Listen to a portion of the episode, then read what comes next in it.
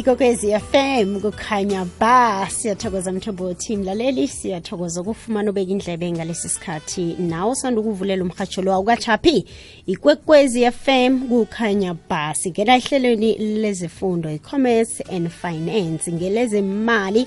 La sifundisa khona ngemali mlaleli kwekwezi fm ukuthi-ke ungayiphatha njani imali akho ungayisebenzisa njani imali akho kazi leli hlelo ulethelwa zimfisela zakwa heartlines eh kanti-ke mina ngingu-tk uthokozani wakwamahlangu livezwa ngutatis khosana umswa wakonolenga. Sisokeke kuzabe kubethe isimbi yechumi namhlanje sike sifunda ngokuthi ulenza njani ihlelo lakho lezemali khona-ke ujohannes masilela ovela kwa-heartlines nguye uzosibeka emkhanyweni asifundise bona ihlelo lezimali ulenza njani i-budgeting for financial health.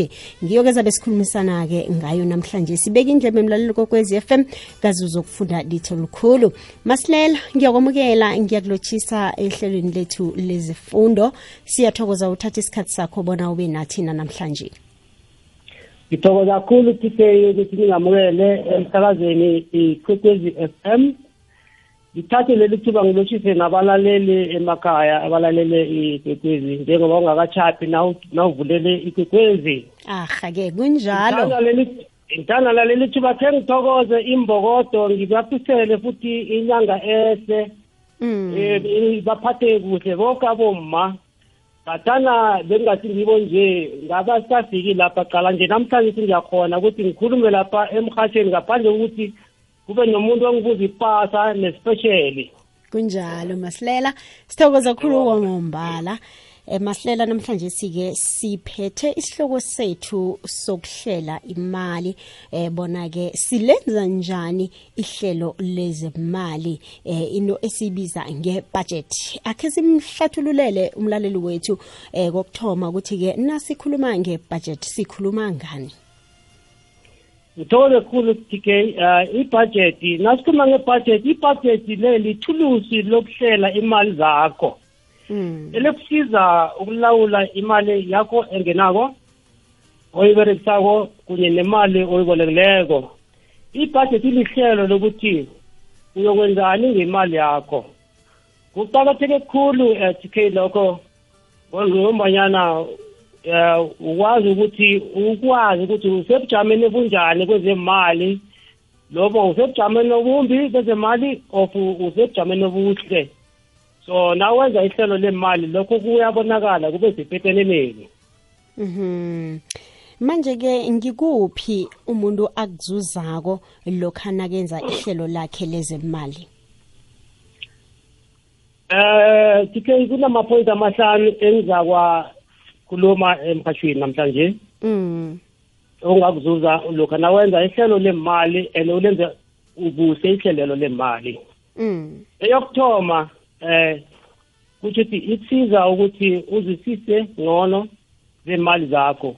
Ukhona ukuzwisisa ukuthi kanti imali yakho lena uyiholileko inyanga leya nayithi iyafika ngale imali yawo sayiboni kanti imali le iphelelепhi lokhana unehlelo lemali ibudget ukwazi ukubona ukuthi okay imali yami le isuke lapha yaya lapha yasuka lapha yaya lapha. Iphuze lesibili ikusiza ukuthi uhlangabezane nenginqopho zemali zakho. Ukuthi abantu nomuntu uba nebhudango ngemali ethi ngifuna ukuthi ngibe nento enje. Mm, yakhe. ukuthi inqopho elo ukhona ukuthi ulifike ufinyelele ufikele.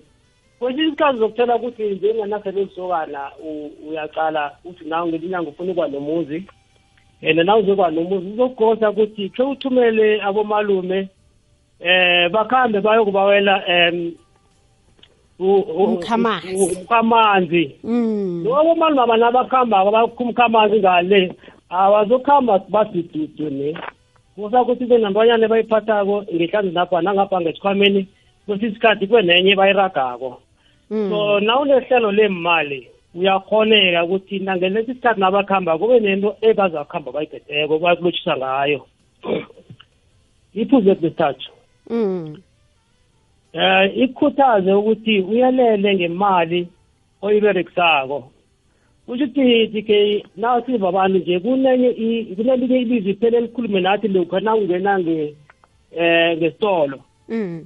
Na ubona ngapha ngesitolo base kuhle kuhle izinto zabo bazibeke kuhle ezinye lapha zibhaliwe ukuthi hey it's on promotion uh, less you, you buy two you get one into ezinjalo. Kanti na uqalileko na unganalo ihlelweli elemali uzokuthatheka lula bese uyathatha uyathenga kanti uyokuthothisa imali enye befanele iye kwenye ndawo mara na unesihlelo lemali uzokuthi na uthi ucabanga ukwenza njalo bese ucabange futhi mara e-e le bengakayifaki ehlelweni lami lezimali izongithodisa bese uyaphunyuka nekunjalo.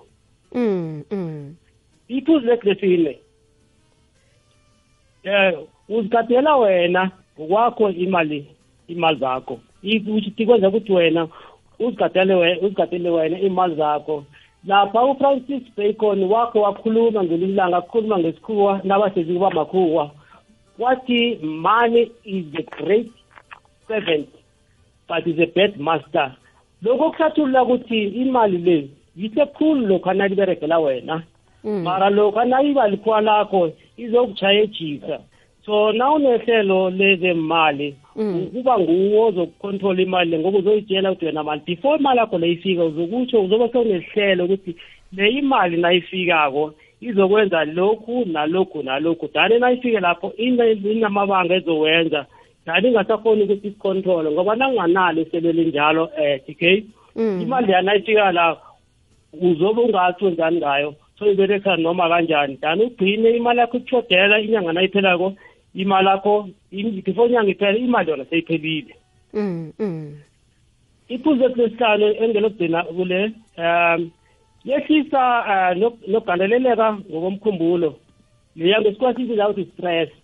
Mm. Kusho ukuthi seventy-five percent yabantu um abagulako um badokotela bathi seventy-five percent yabantu abagulako abangena ngale ngembhedlela baguliswa ngebanga lokuthi bagandeleleke kukhulu ngokomkhumbulo bane-stress. Noke enye imali nayo ngenye yezinto eyenza ukuthi ugandeleleke um ngomkhumbulo um okay so na unehlelo lakho uzobe wazi um kusesenesikhathi ukuthi hayi inyanga le ingijamele njani? Dani kuzokwehla noma uzokwehlela phasi ukwazi ukuthi ube neplani oyenzako. Iyazwakala masilela. Ngingase ngingezelele ngokukhuthaza amasokana ukuthi neyokubheja nayo. Um bayifake lapha. Bangazokhona ukuhlangahlangana inhloko umuntu agcine sekaphatha stress udade naselamsukela la injalo tike enye nenye imali kufanele ukuthi ibhale phasi.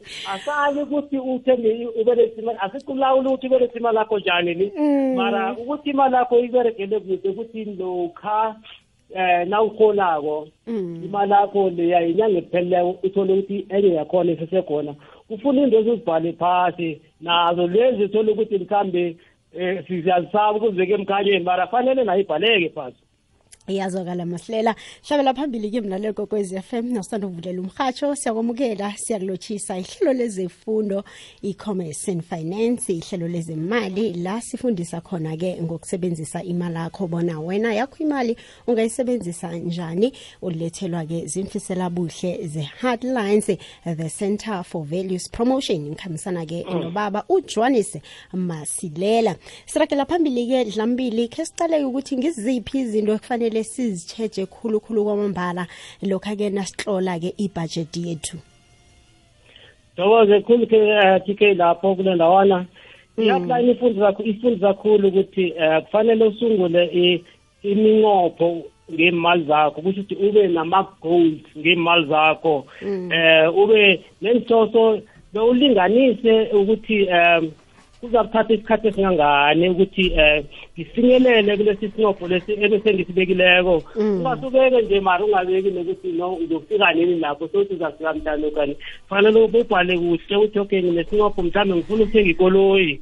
And nangizothenga ikoloyi lezo ngithi ngiyathoma ngiyabhajetha ngiseve imali emva komhlambe iminyaka emithathu noma iminyaka emibili ngifuna ukubona nginekoloyi leya.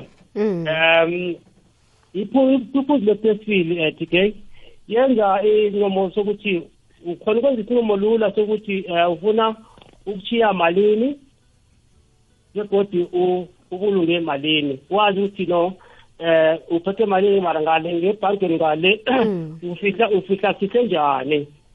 And ipoint lesithathu lapha TK eh ikhuluma kakhulu ngokuthi bhala phasi zonke izidingo zakho. Zacobe nyanga kusho ukuthi kubaluleke kakhulu ukuthi ubhale phasi ukuthi no idingo zakho ziyini. Nalokho na uchinga ngale ngentolo kubaluleke kakhulu sike ukuthi ukhambe ukuthi before uphuma ngikaya sibhale ilisi nihlangene ukuthi naso ilisi ekufanele ukuthi manje izinto eziyokuthengwa ngale ngesitolo ngale.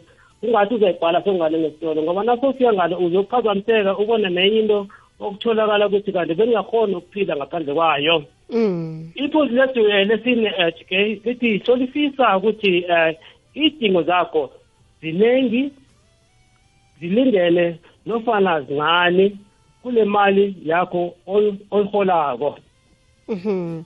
Ngamanye amagama masilela la kungena iphuzu lokuthi ke umuntu akangabi nendingo ezidlula umholo wakhe. Isitshela lokho exactly TK ukuthi no nawazi ukuthi uhola i5000 rand ngenyanga.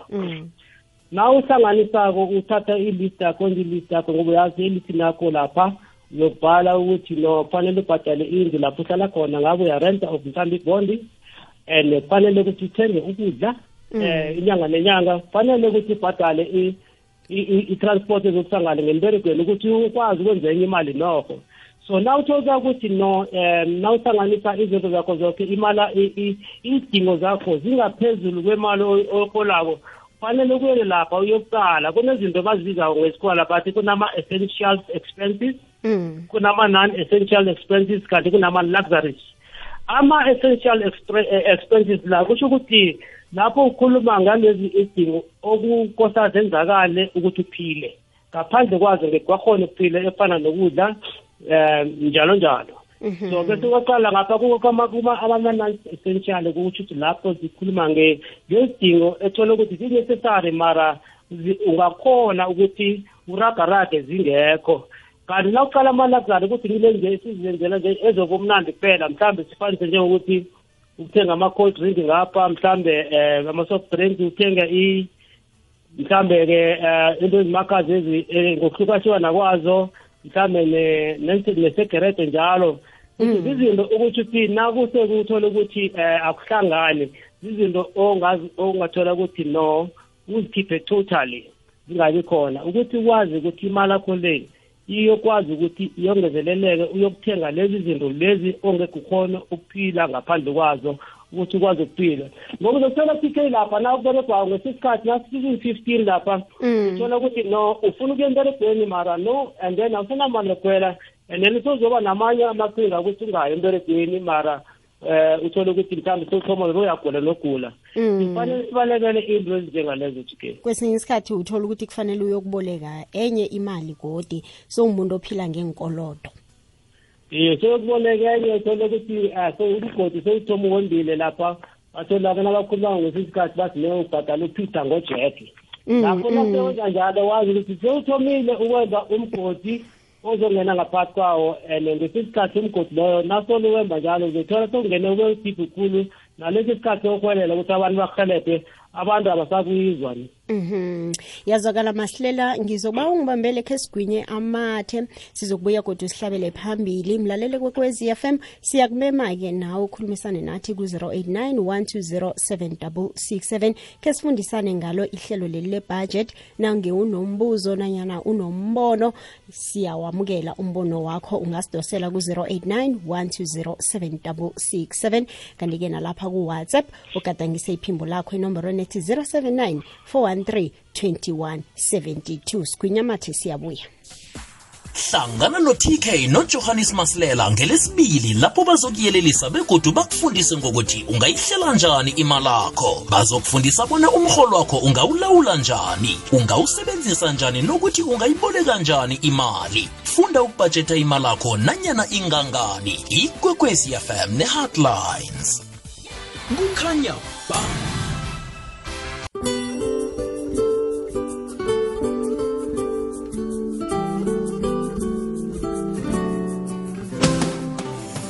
amashumi nahlanu imizuzu ngaphambi bona kubethe isimbi yechumi na usanda uvulela umhatsho yeche mlaleli kwekwezi yafem siyakwamukela siyathokoza bona ukhethe thina nangalesi sikhathi sobusuku.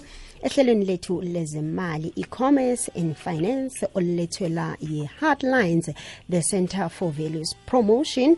Namhlanje sike sikhuluma ngendaba yokuthi ulenza njani ihlelo lakho-ke lezemali khona-ke ubaba ujonis masilela osifundisako bona silenze njani ihlelo lethu lezemali. Siyakumema-ke nawe mlaleli kwekwezi fm ku-089 khulumisane nathi ube nombuzo nanyana umbono nalapha-ke kuwhatsapp ugadangise iphimbo lakho? ku-079 413 2172 mnqopho wehlelo lethu ukuthi sikufundise ngokusebenzisa imali yakho masilela ngiyathokoza ukungibambela asihlabele phambili.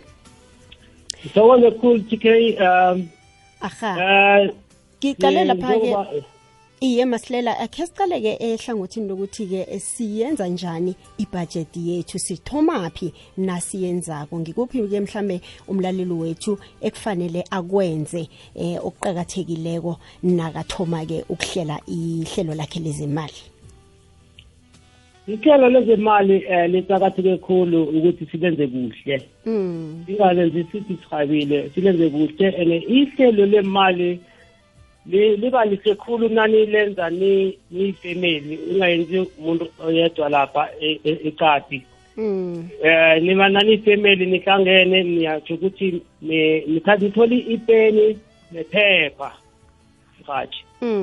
Sibhala phasi ukuthi no into eso iqakathekile ukuthi ibe khona. Khulukhulu esikhathini sanamhlanje si lapho imali ichoda khona ngenxa yesibhesi esisiphetheko Mm. ipeni nephepha niyabhala ukuthi no into eqakathekile yokuthoma nasi mhlawumbe uyabhala nenza i-list lapho emqashi shuthi ngamanye amagama masilela ama-payslip kufanele avele epepeneneni lapho nanihlela njengomndeni. Imraro khona loyo um lapho-ke ke thike indaba yona injalo no manje no singazi-ke mara Iye. La ukuthi ufuna kodwana kuba ukuthi no- lula iba lula njalo nanimndeni nibambisene iye nakuthi kufanele yenze ngenaneko elifaneleko Mm. ama-payslip kufanele avele and nalezo ezinye imali othola ukuthi um azinama-payslip mara nazo ziba khona eh, ngendlela ukuthi ziba khona njalo. Eqadako. nazo kufanele zivele sazi ukuthi ngikhayapha imali nayingeneko nayipheleleko eyomholo eh imalini neyivela ngapha emacadi njalo njalo iba imalini lani siyibeke etafuleni ukuthi ne- imali esinayo esingabhajethela phezu kwayo yimali engaka. Kanti-ke nasengemali ngako kuphethe iphepha nepeni la kuyabhala ukuthi oright ke imali e- nayinje imalini imali yerente lapho. Kuyabhala imali engaka iyerenteni imali engaka yokuthi i-electricity imali engaka eh izokuya etransporteni imali engaka ngegrocery imali engaka nge-maintenance. Mhlawumbe nezinye into zifanele zivele angitsho ubaba ngesinye isikhathi ne-maintenance ngaphandle nje into ezinjalo. Mm, nayo fanele nayo fanele ivele ukuthi i-maintenance yomntwana ngale imali inje kuthi ilist yakho uyibhale ordentle ungabhali uyityelela. Na uyityelelako uzoba nomraro ngoba imali leyo noma uyityelele njalo mali isazophuma bukhobosi kani-ke i- ichaphisa izinto kanti fanele ibhalwe ivele epepeneni ibonakale. I- ilist yakho leyo yehla njalo-ke. Mm. dani naseniyibhale njalo? Intwane dani ngisesisebujameni obuhle ngoba kufanele uqale ukuthi okay kunazinto lezi sizibiza ukuthi ama-fixed um expense. Mm. Lezo ezingajugulukiko inyanga nenyanga ziyafana i- am- eh, ama- ilo- i- i- imali akhona okufana nokuthi indlu nawubhadala ibhondi yendlu. Mm. imali akhona ayijuguluki njalo. Nalokho mna nawubhadala ikoloyi nesikolo isikolo sekoloyi imali akhona ayijuguluki ajuguluki njalo ne Mm. mara kubalulekile ukuthi ungathi ne ngoba le mali sisiyayazi ayijuguluki singayibhali nayo iyabhalwa phasi. Ibonakale dani kuzokubalwa yonke-ke imali ekhona eh, engenileko kubalwe imali eh, eh, ethola ukuthi manje nge- ngeyendleko Mm. kubonakale ukuthi imali le ikhamba njani nakuthola ukuthi imali le yendleko le phezulu dani nenza ama-amendment-ke ukuthi okay mara leya ngaba njani inyanga le Iphungulwe. isidale singanayo siyiphungule leya ngapha siyafole njalo njalo Mm. Bese laphana kube nelokandisibili le indleko indleko ethola ukuthi zona self ziyachuguluka indleko zakhona inyanga nenyanga azifani. Mm. so ngizakubeka nje umzekelo njenge eh, electricity. Mm. lokhu nawuthenga i-electricity inyanga nenyanga ayifani. Khulukhulu uzothola ukuthi mhlambe nje eh ubusika buyangena or ngeke kusafana nalokhu mhlambe nakube kuphakathi kwehlobo. Enye imali khona iya phasi phezulu. Ayihlali ndawonye. Mara nayo kufanele kube nemali ethize ni-estimator eniyibhajethelayo ukuthi olright sibona ngathi i-electricity inyanga le izasikhambela so sibona ngathi amanzi inyanga le izasikhambela so njalo njalo. No kuba nenye-ke lapha mhathi ekukhunanyana ebayibiza ukuthi no ama-unforeseen. Leyo ukuthi ukunga lokho okungalindelekanga. Njenga ukuthi mhlambe nakumuntu ngesikhwana abathi ku-invite umuntu ukuthi azogeriyela le ama-uninvited iyazizela yona sel zivela singakazihleleli singakatsheji ye singakatsheji vele kumbuluke ubuye isibonelo ngathola ukuthi ngale ngikhaya nanti ngisahlezi nanti ipipe lamanzi libhobokile kose ukuthi kubizwe iplambara izolungisa ipipe lelo nangalungisa amanzi acagcwala ngikhaya ngapha ngesikhathi nekoloyi ngapha ikhamba kamnandi nanethi ikoloyi ikhamba kamnandi ikoloyi nathi ithahalala iyazijamela lapha. Um nekoloyi le mhlawumbe ikhambisa abentwana ikhambise nobaba noma emberegweni. Uyakosa ukuthi kutholakala umakhenika ezazoyilungisa ikoloyi leyo. So lapha i-hotline i-advise ukuthi nakunjalo nasenza ihlelo lethu lemali imali izinto ezinjalo asizifake kubudget yethu. Khulukhulu mhlambe sikwazi ukuthatha imali engange ten percent yebudget esizebudgeta esibudgeta nge-ten percent yemholo ethu ngoba ngesi sikhathi ivela into enkulu ngesikhathi ivela kuyinto encane ngeze wazi ukuthi lama-uninvited la azokuvela kangani Mhm. Masilela manje ekusizeni kulezi zinto okhuluma ngazo khulukhulu lezi ezivela singakacheji. Ngiwapha amathulusi mhlambe ke akhona esingawasebenzisa ekutheni lezi zinto nazivelako nokho ke sikhone ukuthi sisizeke. ngiyathokoza tk njenganje ngizakhuluma ngento enrathu ezingaziberegisa noma zizinenganyana bana njenganje ngizakhuluma ngezinrathu kunanto leyo siyibiza ukuthi stop order. Stop order imali uya ngale khulumisana nangale ngembhankini ukuthi ne imali enje ngiba ukuthi inyanga nenyanga mhlawumbe i-five hundred rand ne ingezi kimi ni ikhambe straight iye ku-saving yami ukuthi izokusevela into ezifana nalezi. Mm. And then enye into futhi kwambo indaba kunendaba nathi ngiyomholiswano umholiswano nawo unokuhelebha entweni ezinjalo. Ngoba uzothola ukuthi um nanomholiswano kuba nesikhathi mhlawumbe uthola ukuthi umholiswano lo uza ngakuwe. Kanti na uza ngakuwe uza sokuyimali ephathekako. Mm. enye futhi kune-club account. I-club account nayo into ehle ukuthi izokuhelebha ukuthi izinto ezinjalo zi- zi- zi- ukwazi ukuthi uqalane nazo. Ngoba lapha ku-club account noma mkhathi uthola ukuthi wena kancane uyazi lapha u- ukuthi ufake imali niyakhuthazana ngoba noyenza ukuthi nemara wena masela cala nenyanga ephele uza ngiwafaka dani. Uzokateleleka nawe sewugcina unentsho ukuthi hayi khona nami ngeke sengile ngini batsho ngifake nawuthi bhaba ugcina nawe sewufakile ukhona kule club account. Kanti nakuvele iy'nkhathi ezinje uyakhona ukuthi uhelebheke Mhm. Yazwakala ke masilela sele sivala ke ngiyiphi mhlambe imiphumela eh umuntu ke angazithola akiyo eh nakangenzi ihlelo elifaneleko lezimali. ngiyathokoza tk um ngombuzo omuhle njengoba ke ngakhuluma lesa sikhathi ngithi um ufrancis bacon uyakhuluma wathi imali Mm. yisekhulu nayo isibereki sakho kanti imbi khulu lokha yona nalikhuwa lakho. Lokha nawungenzi ihlelo lakho lemali kusho ukuthi unikela imali amandla ukuthi ilawule wena. Mm. kufana nokuthi imali le awuyiphi umbereko ukuthi nayifikako izokuberegelani wena sethi imali ngizakubona ngawo mhlawumbe ifikako ukuthi senzani.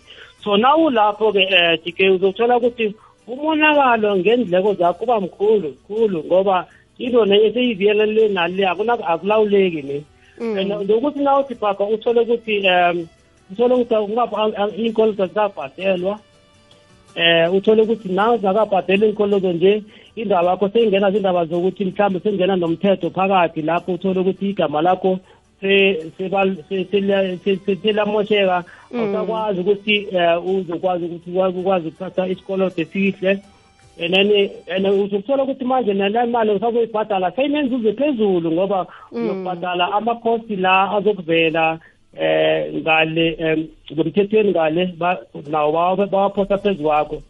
So ukusho ukuthi um ku- i-hotline ngikho iyathatha isinqumo sokuthi no ake sifundiseni umphakathi lo ngendaba zemali ngoba na na nabangazi into ngendaba zemali bagcina base- sebasenkingeni ethola ukuthi mhlambe nakhidi bafundiswe ngazo bebaza kuphepha kizo ahake no iyazwakala-ke masilela. Nitholakala-phi-ke nina njenge-headlines umlaleli nange afuna ukwenza ilandelela afundisise kuhle ngemali thokoze khulu-ke um lapho umbuzo loyo muhle khulu ngoba lapha siyatholakala lapha ku-facebook ithi hotline um nakutwitter sikhona hotline za kanti futhi um uyakhona ukuthi i- isifundo njengesifundo sanamhlanje sinesifundo lesifundo seveke epheleleko sesidlule kiso uyakhona ungene lapha kiso usidownloade uyokuthola imininingwane eminingi nethola ukuthi zange sikhona ukuthi sihlangabezane nayo direct eh, lapha emoyeni ngoba ngenxa yesikhathi